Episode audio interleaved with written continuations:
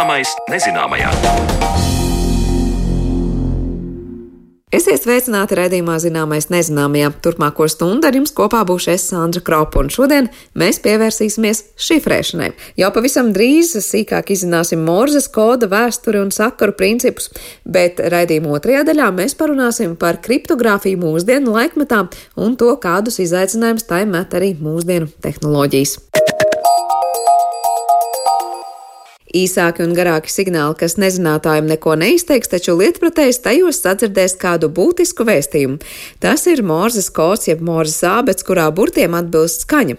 Vēsturiski Morzes kodam bijusi liela nozīme briesmu signālu paziņošanā, un šis kods nav pazudis arī mūsdienās. Par to visu plašāk kolēģis Marions Baltkalns veidotajā ierakstā.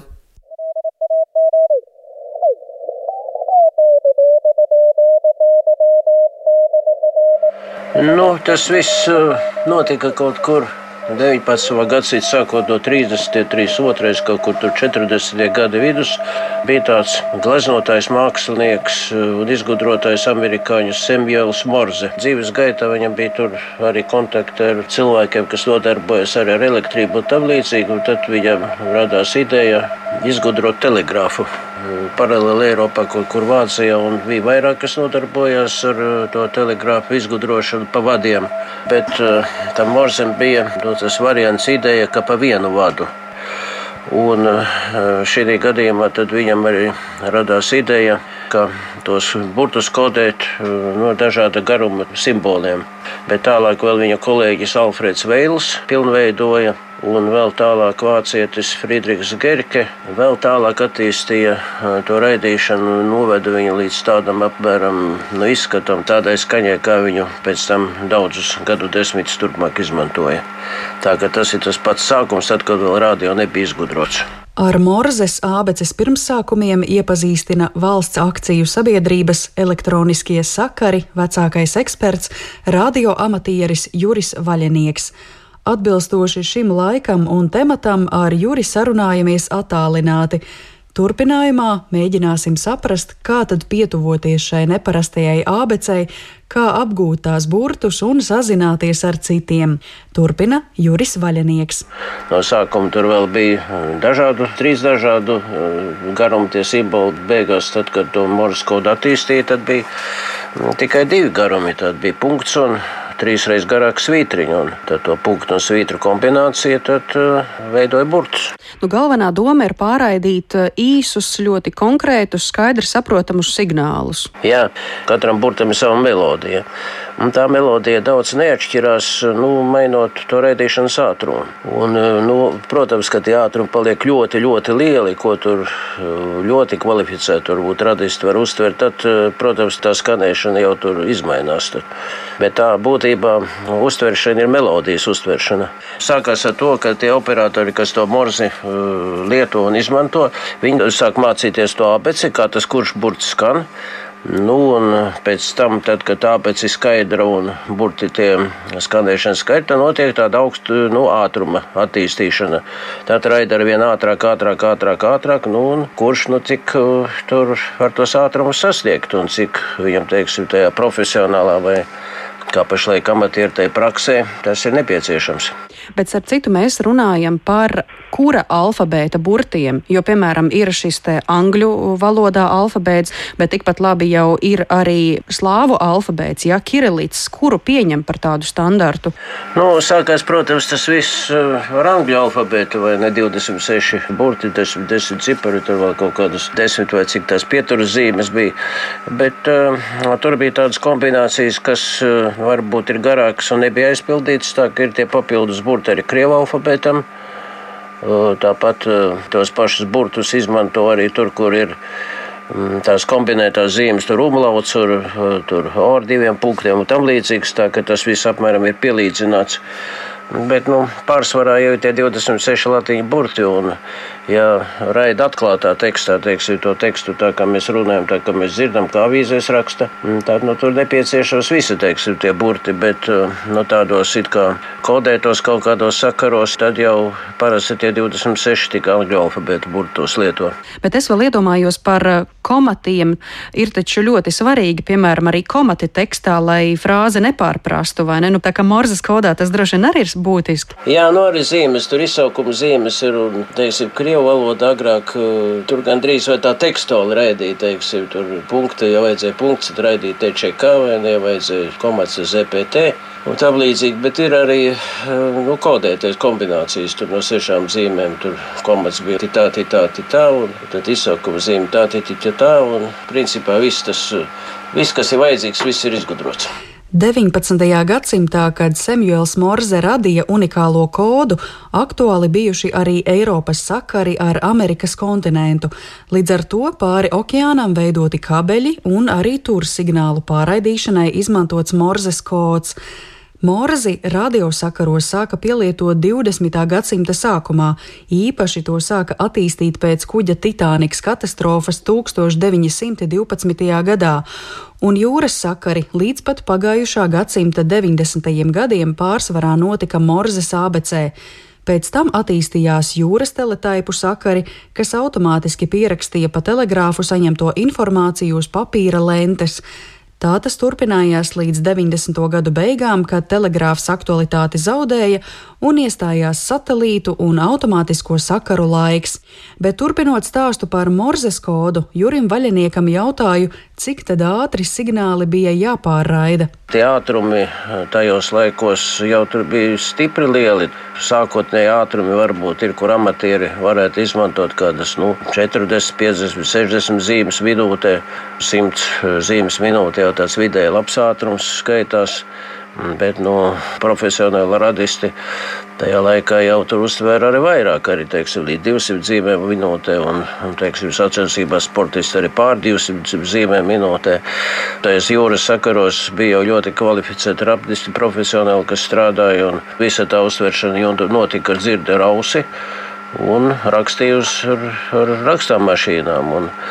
Un, Un atšķirīgi ir tā, teiksim, tas mūža ABC tāda īpatnība, ka tas uztverams un raidāms ir ar cilvēku maņu orgāniem un cilvēku rokām, un tur nav vajadzīga ne kaut kāda tehniskā, varbūt tāda sarežģīta aparatūra, kas tur formē tos signālus un atkodē pēc tam.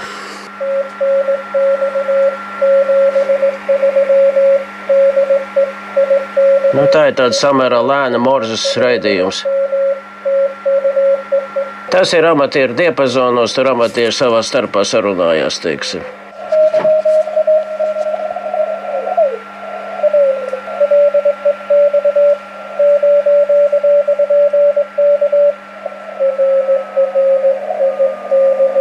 Un ir dažādas arī atslēgas. Ir teiksim, tā parastā atslēga kas ir klasiskā ne, ar ko tas viss sākās. Eh, tas ar to roku, nu, tos garumus, punktus, strīpus veidoja roku. Pēc tam tur bija visādi nu, pusautomāti, kas atviegloja to raidīšanu, jo, teiksim, mēs stādītos priekšā, tagad vajadzētu kaut kādu visu vaiņu, tur 8 stundas intensīvi radistam tur raidīt telegrammas uz to kuģi. Tas nav tik viegls darbs, tas tika racionalizēts, pēc tam bija izgudrotas elektroniskās atslēgas, kas nu, teiksim, uz vienu pusi piespiedu mēlīti punktu, uz otru teiksim, strīpiņus. Nu, nu, tagad pārsvarā jau lieto datorprogrammas, un visi jau tā pierakstīšana notiek teiksim, failos elektroniskā veidā, un arī sakaros un sacensībās arī nu, dators formē to Morzes kodu. Tā ka tur tikai ar ausi notiek uztveršana. Punktiņš ir teiksim, pī vai tī, un, un tī tā vai ne strīpīs. Un, nu, pieņemsim, nu, burts A ir tā vai ne. B ir tāti, tāti, C ir tāti, tāti vai ne. Nu, Māras sāpēs, ja mēs runājam, tur vajadzētu aizmirst, ka tie punktiņi noteikti nevajadzētu tos punktiņus skaitīt. Nu, ir bijuši tādi talanti, kas māca saskaitīt tos punktus, vai ne cik punktu un spītras, bet tas ātrums. Tad viņi apstājās pie kaut kāda stipra zemiem ātrumiem, tālāk es nevaru izskaidrot, un pēc tam to visu aizmirst un iepācīties pa jaunu, tad ir grūti. Tur notiek uzreiz mācīšanās, teiksim, tā melodija. Tas atkarīgs arī no teiksim, cilvēku talantiem, varbūt no dzirdes un apģērbības. Tāpat kā visās vietās, šeit arī droši vien, talants ir vajadzīgs. Vēl gribēju jautāt par šo te slaveno frāzi SOS, vai tas patiešām apzīmē glābiet mūsu dvēseles, jeb tas save our souls par šo te signālu, kā tas radās? Jo tas arī ir Morzes koda radīts signāls.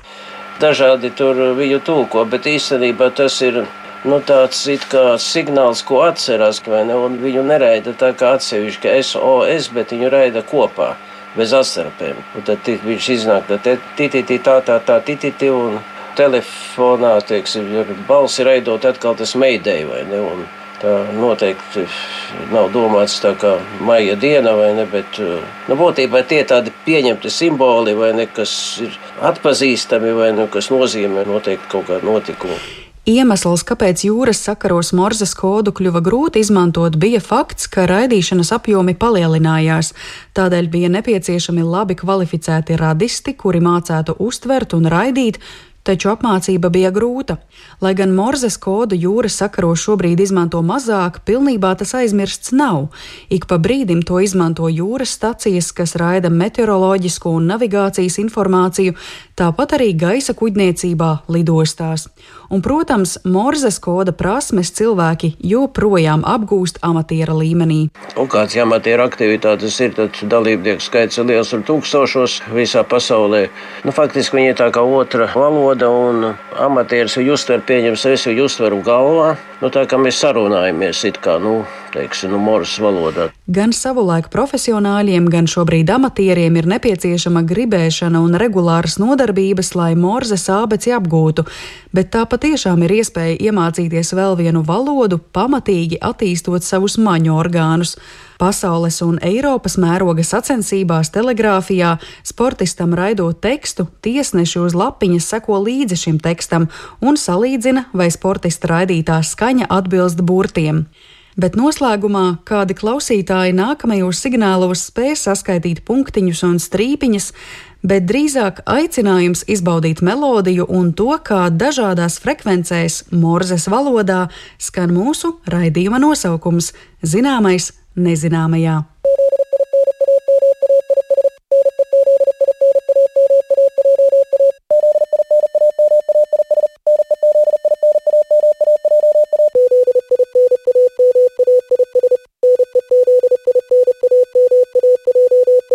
Par Morzes koda vēsturi un sakaru principu stāstīja valsts akcijas sabiedrības elektroniskie sakari vecākais eksperts, radioamatieris Juris Vaļinieks, ar kuru sazinājās mana kolēģa Mariona Baltkalna. Bet par kriptogrāfiju un to, kā šifrēšana mainās mūsdienās, mēs parunāsim raidījuma turpinājumā.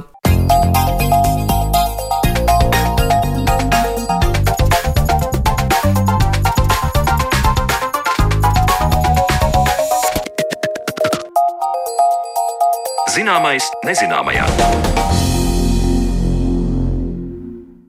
Nosaukums kriptogrāfija aizgūts no sengrieķu valodas, un tā nozīme ir slepena rakstība. Taču mūsdienu kriptogrāfijas jēdziens ir daudz plašāks, un tāpat arī praktiskais pielietojums bieži vien ir gana ikdienišķs.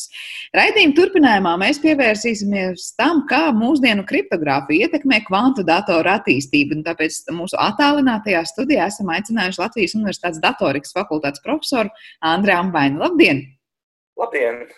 Nu, nav nekāds noslēpums, ka mēs dzīvojam laikmetā, kur informācija mums ir dārgākais resurs, un dati, protams, ir jāglabā un tiek sargāti un glabāti. Bet līdz ar to, cik šobrīd plašs ir tas kriptogrāfijas izmantojums mūsdienās, kā jūs komentētu, nu, kur ir tā nozīmīgums? Vai tiešām uz katra soļa, vai par to domā tikai, nu, kā saka, augstu politiskie līderi, bankas un citas organizācijas? Nu, kriptogrāfija tas ir tā, kaut kas, kas mūsu elektroniskajā komunikācija infrastruktūrā tiešām ir uz katra soļa. Nu, tas ir tas, ko mēs neredzam, bet jebkurā brīdī, ja mēs jebkurā tīmekļa lapā ievadām savu paroli, tad uh, mūsu pārlūks uh, iedarbina kriptogrāfiju, lai šī parola tiktu nošifrēta un lai kāds viņu pa vidu nepārtvertu. Tā kā es domāju, ka katrs no mums lieto kriptogrāfiju desmitiem reižu dienā par to nenojaušot. Kā ar to mm, praktisko pielietojumu, labi, viena lieta ir tad, kad mēs ievadām paroles, un mēs tiešām apzināmies, mēs šobrīd kaut ko nu, noslēpjam no tā visa. Bet, piemēram, sūtot jebkuru ziņu, tai pašā WhatsAppā, tur pat parādās uzraksts, ka end-to-end -end encrypted, kas nozīmē patiesībā ko, ka jebkura mūsu ziņa, ko mēs sūtām varbūt pat tuvākajam cilvēkam, patiesībā ir šifrēta. Tieši tā, jā, tas, tas ir otrs ļoti labs piemērs, ka WhatsApp un vairākas citas ziņu, ziņu apmaiņas programmas, viņi, viņas lieto šifrēšanu tā, ka neatšifrētā veidā tā ziņa ir tikai uz saņēmēju un sūtītāju telefoniem.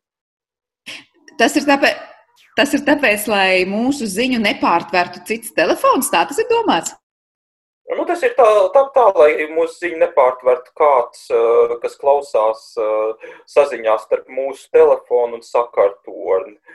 Jo principā mūsu telefons, sakartornis, komunikācija iet pa gaisu, pastāv iespēja, ka kāds mēģina noklausīties ar pietiekami labu noklausīšanās ierīci, eh, to saziņu var pārtvert. Ja, ja viņi tiek šifrēti, tad tas šādu noklausīšanos izslēdz. Bet šajā... Sakari ir daudz vieglāk noklausām nekā sakari pa fiksētajām tālruņa līnijām. Bet tajā brīdī mēs varam teikt, ka mūsu pats mobilais telefons ģenerē kaut kādus eh, šifrus un kodus, kurus atkodē tas otrs telefons, vai, vai kā notiek tā šifrēšana pat nu, liekas, tik acīm redzamās lietās? Nu, ir Ir, ir standarta protokoli priekš šīm lietām. Ir tāds standarta protokols, ko saka, sauc par atslēgu apmaiņu, kur divas ierīces vai divi telefoni spēj uzģenerēt kopīgi slepenu no atslēgu, ar ko pēc tam veikt šifrēšanu. Tātad atslēga apmaiņa tas ir viens no mūsdienu kriptogrāfijas lielajiem sasniegumiem, kas tika izgudrots 1970. 6. gadā, ka ir, ir iespējams divām ierīcēm ir iespējams vienoties par kopīgu slepenu atslēgu, pat tad, ja viņām savā starpā nav droši sakaru kanāli.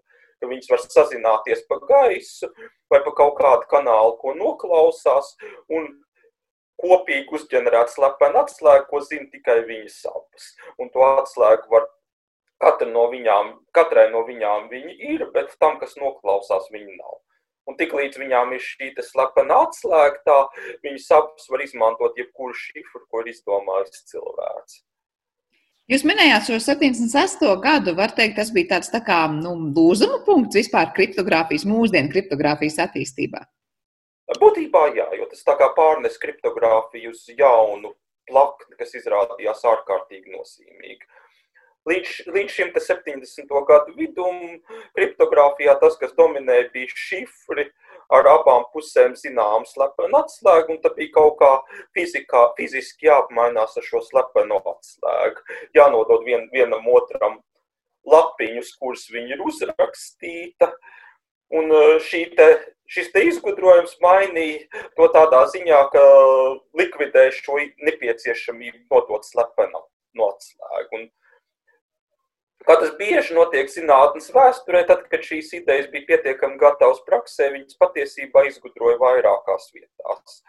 Mēs šo schēmu pazīstam ar amerikāņu un izrēliešu zinātnieku Rivestu Šamiru un Adlemanu vārdu, bet patiesībā izrādījās, ka slepenajos dienestos strādājošie pētnieki viņi bija izgudrojuši vairākus gadus pirms tam. Nu, tagad šis fakts ir atslepenots, un mēs zinām, ka Angļu slepeno dienestu pētnieki šo schēmu bija izgudrojuši pāris gadus ātrāk.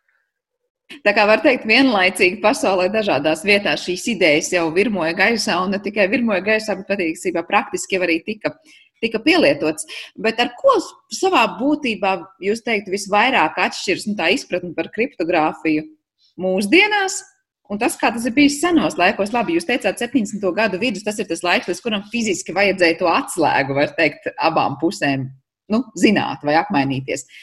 Pēc tam, jo vairāk attīstās datori, jo vairāk mums attālināt notiek tas, ka ierīces pašas kaut ko spēj uzģenerēt, mums pat nezinot, vai ko jūs liktu kā tos galvenos stūrakmeņus?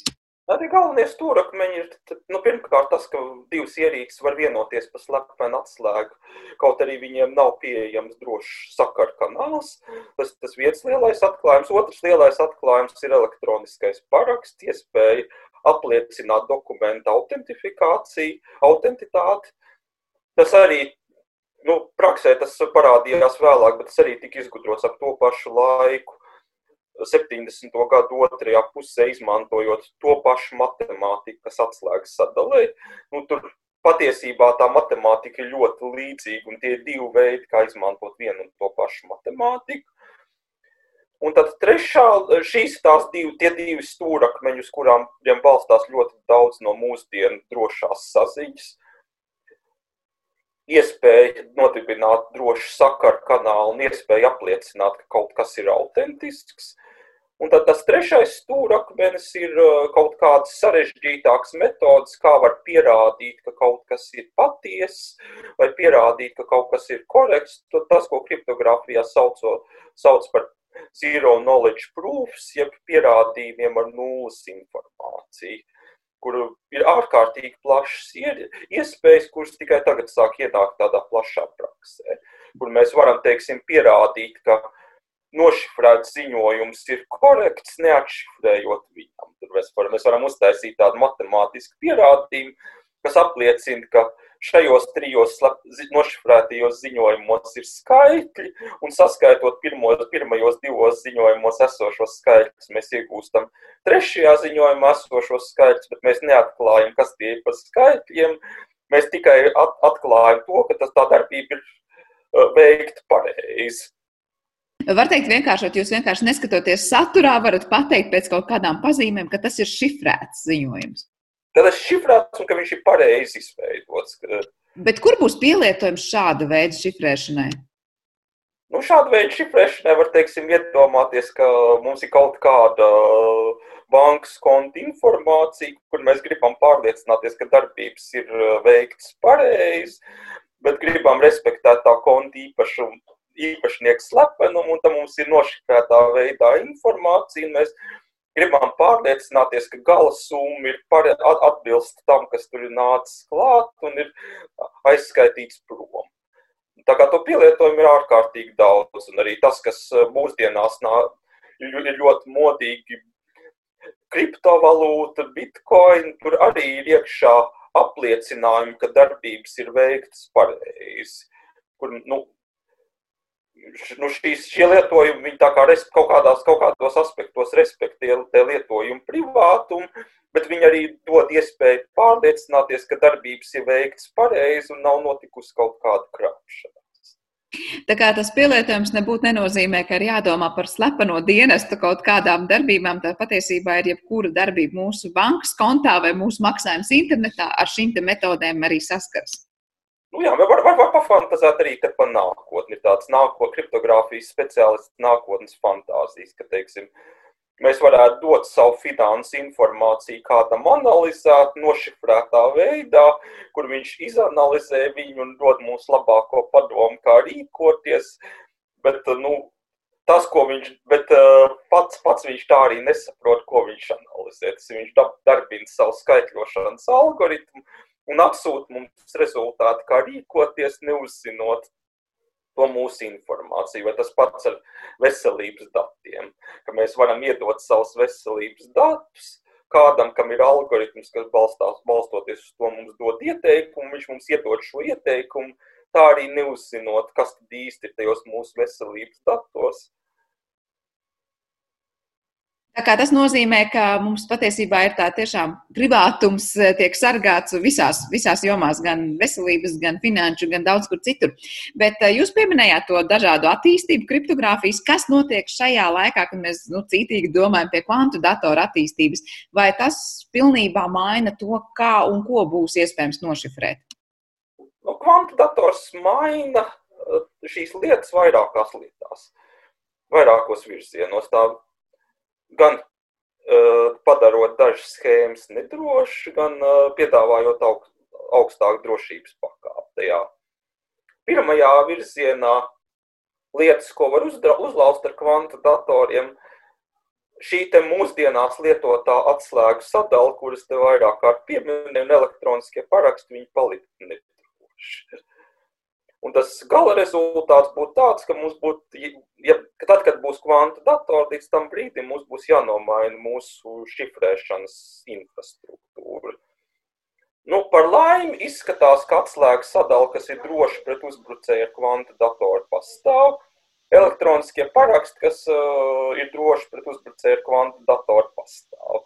Tā kā viss joprojām būs iespējams, bet uh, tajā programmatūras līmenī, ko mēs ikdienā neredzam, būs milzīgs darbs, ka tur būs jānomaina soļi, kas ir nedroši pret kvantu datoriem, ar soļiem, kas ir droši, droši pret viņu un tas būs jāizdara ārkārtīgi daudzās vietās.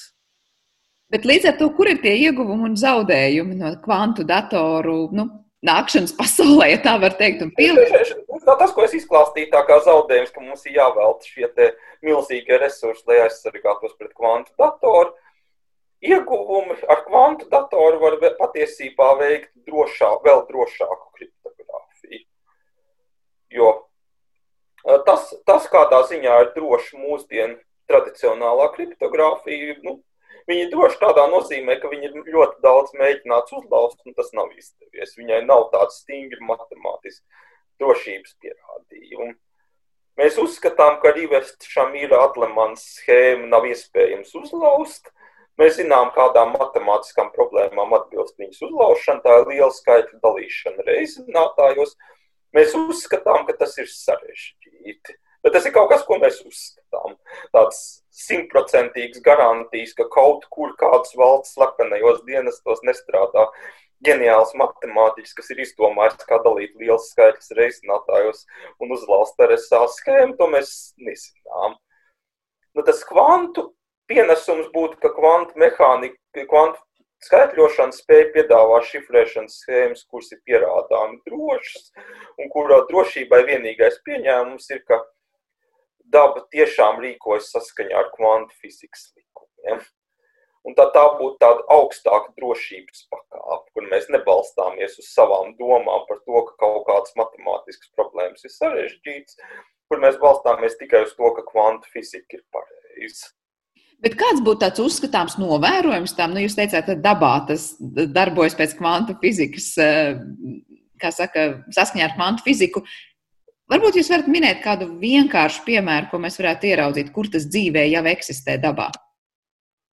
Nu, teiksim, mērot gaismas daļiņas, ja fotons, ja mēs skatāmies, ja mēs mēram atsevišķus fotonus, ko var izdarīt ar ļoti ar pietiekami jūtīgiem detektoriem, tad tur mēs redzam kvantu mehānikas likumus, ka ir kaut kāds fotons stāvoklis, kādam viņam būtu jābūt saskaņā ar kvantu fizikas likumiem, un tad var, var, viņu, var, var ģenerēt fotons, var mērīt un redzēt, ka tā statistika tiešām atbilst. Un, nu, tā vispārīgāk runājot, ir ļoti daudz citas lietas, ko var izvest no kvantu fizikas, nu, tā skaitā arī makroskopiskākā līmenī.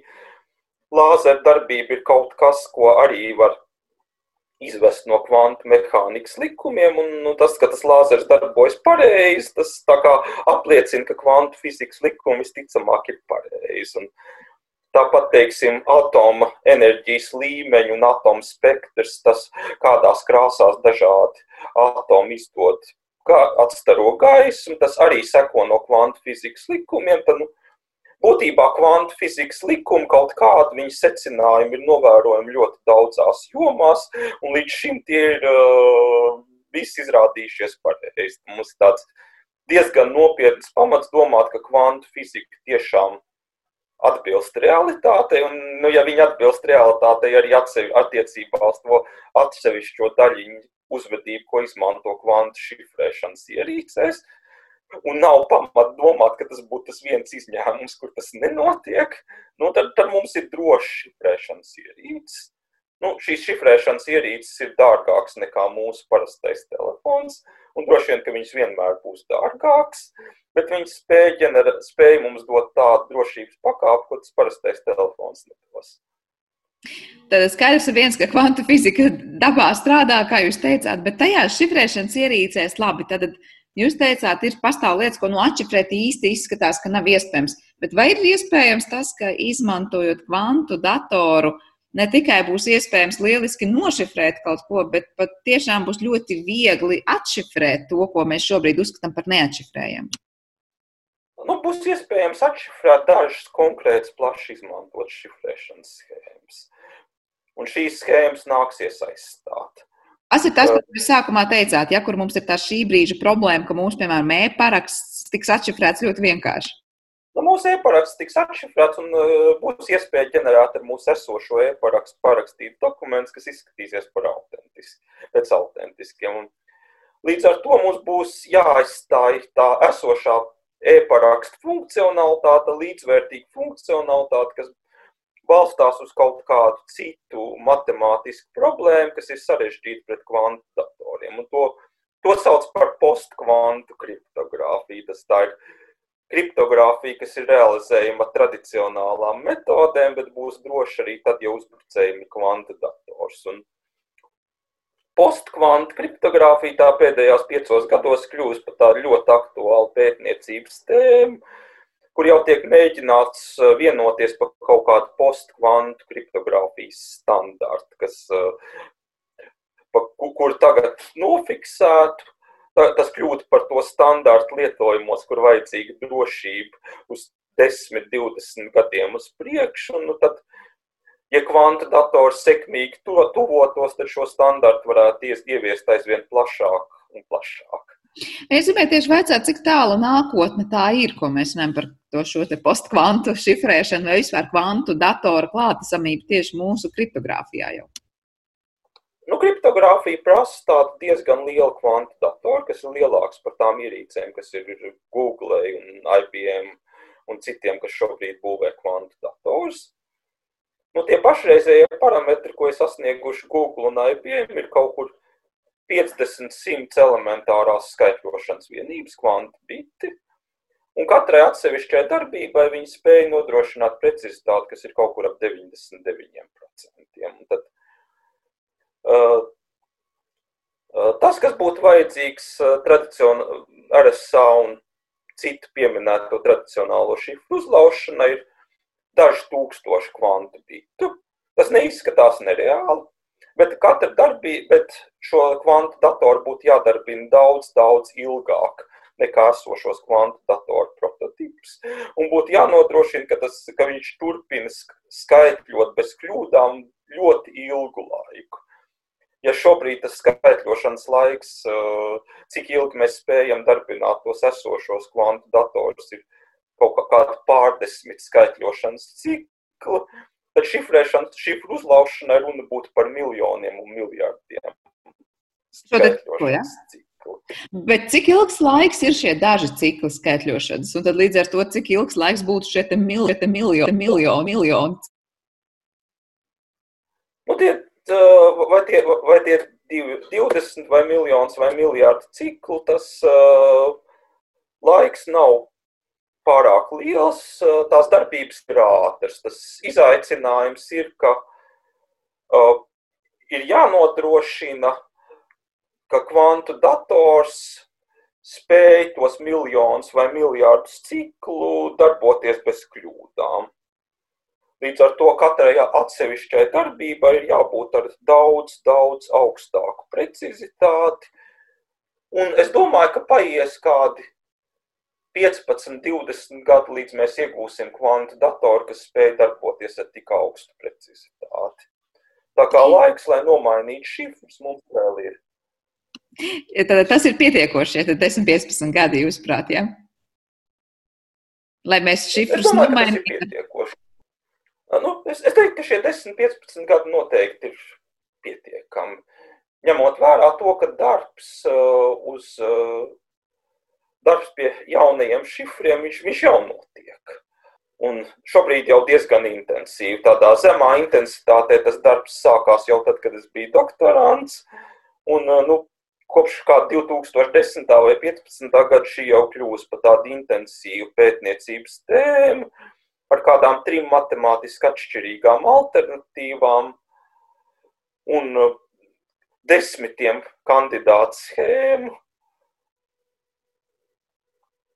Un, nu, jāsaka, arī mūsdienu tradicionālo datoru jaudas ir daudz lielākas un iespējas realizēt daudz, dažādas schēmas ir daudz plašākas nekā viņas bija, teiksim, 2000. gadā. Ja 2000. gadā man studējot, tā lieta bija tāda, ka dažām no šīm kvantu drošajām schēmām bija jautājums, cik jaudīgi ierīci vajadzēs, lai viņu realizētu. Tagad jauda nav problēma. Lielāko daļu šo ierīču var realizēt, šo schēmu var realizēt. Bet ir saistības ar to, cik jaudīgs ir dators un cik sarežģītu šifrēšanas schēmu tas spēj uzģenerēt.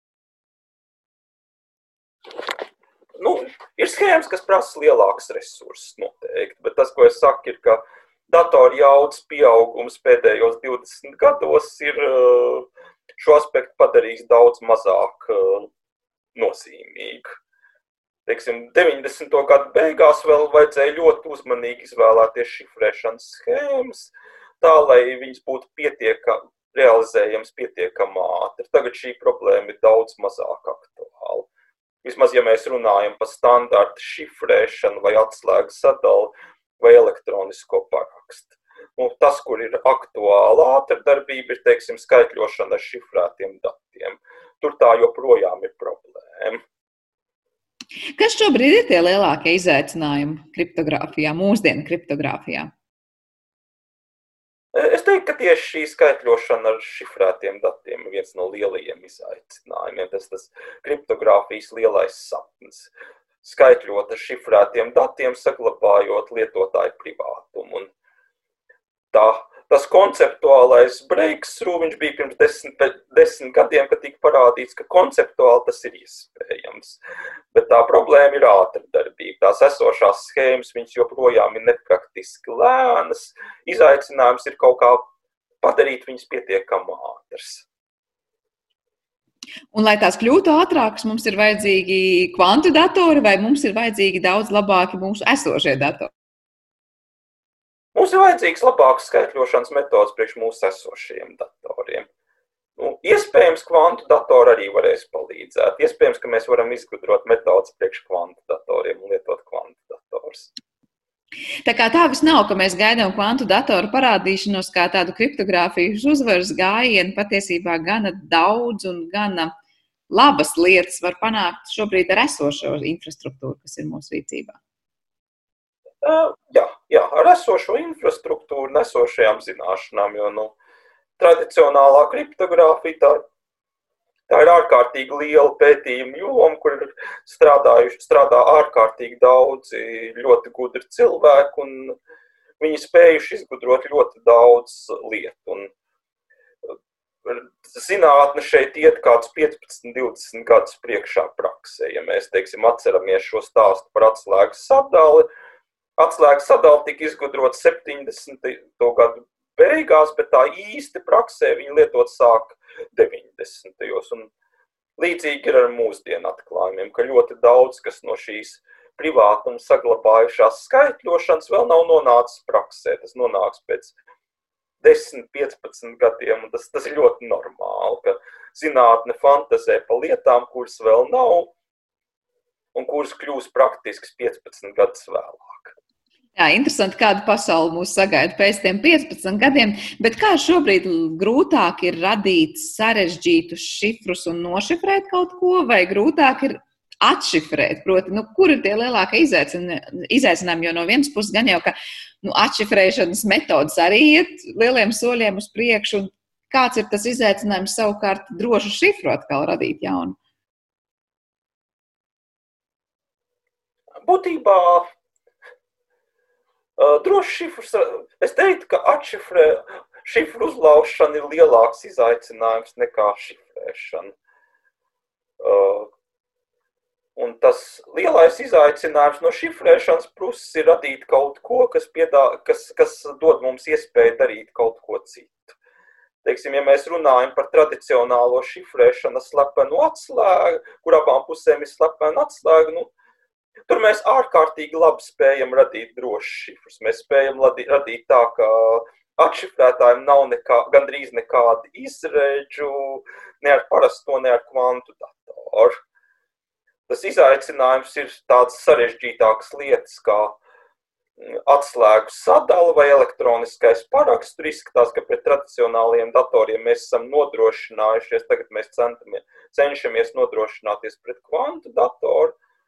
Un tad tas vēl nākamais līmenis, kurš jau kļūst mazāk skaidrs, ir kaut kādas šifrēšanas lietas, kas sastāv no vairākiem soļiem, no kaut kāda sarežģīta procesa. Skaitļošana ar šifrētiem datiem, kriptovalūtas, nu, tāda lieta, par ko runā digitālie līgumi, kur dators spētu uzraudzīt, ka puses seko līguma nosacījumiem,